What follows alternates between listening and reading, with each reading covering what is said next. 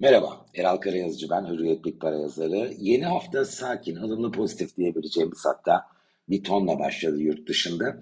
Yurt dışı piyasalarda en çok izlenen Borsa İstanbul ve biz orada e, epeydir Aralık'tan bugüne 5. ayındayız artık. E, yatay bir seyre şahit oluyoruz. Ağırlıkla yukarıda 5500, aşağıda da 4700 diyelim. E, anlık 5700-4500 gibi o bandın dışına taşmalar da oluyor fakat kalıcı olmuyor. Yatay bir seyir var karşımızda. Kabaca %15'lik bir alan. İşte 800 puanlık bir bölge. Şimdi bu, bu yatay bandın içinde endeks e, geçen hafta 5200 puana kadar yükselmişti. Son iki işlem gününde 5092'ye kadar bir geri çekilme oldu %2'lik. Fakat bütün halinde bakarsak Nisan ayında Borsa İstanbul e, değer artışı kaydetti. İlk yarısında %5.8'lik.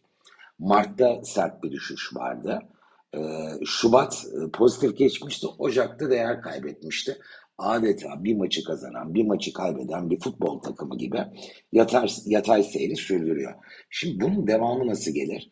Seçim öncesi parkur ki artık 4 hafta kaldı. Bence bu yatay seyrin devam etme ihtimali çok daha yüksek. 5070 e, güçlü bir destek bence ve endeksin kapanışı da 5092. Yüzde yarıma yakın bir marş kaldı. Yeniden rotayı yukarıya çevirip e, BIST'i 5200'ün de üzerine itebilecek bir adres olur mu? Bence ihtimali yüksek bunun. Çünkü dışarıda da ılımlı pozitif bir ton var. O bilanço sezonunun devam ediyor olması bir etken. Her ne kadar yabancı katılımı düşükse de seçime bu 3-4 hafta kala biz e, bir parça banka hisselerinde yabancı alışını e, daha hissedilir şekilde görebiliriz. Zaten geride kalan iki ayda da e, bununla ilgili e, çokça aslında örnek var.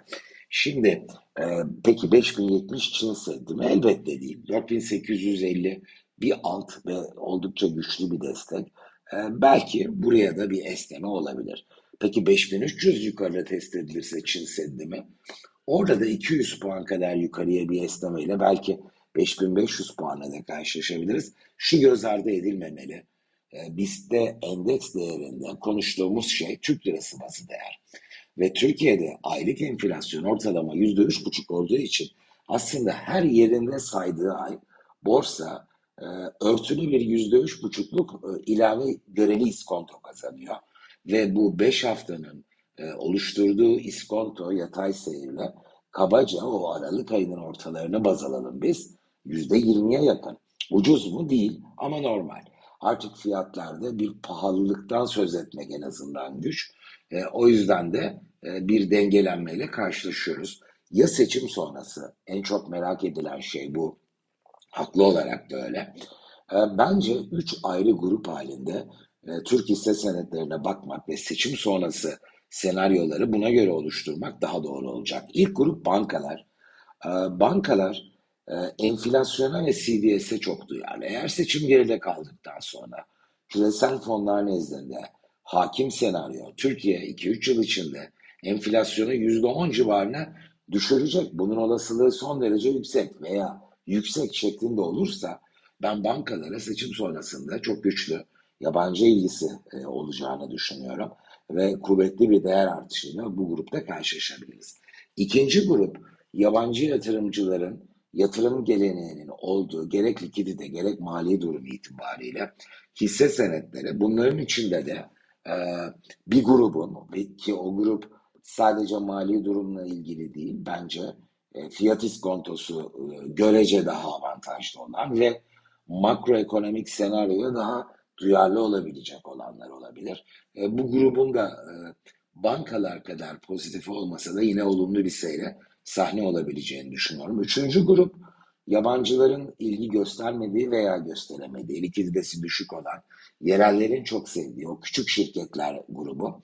Bu grupta yerellerin baskınlığının devam etme ihtimali son derece yüksek olduğu için ben bir süre daha her senaryoda e, bu hisse senetlerinde bir konsolidasyonun devam etmesinin daha muhtemel olduğunu düşünüyorum. Tabii bu konuştuğumuz pozitif senaryoydu.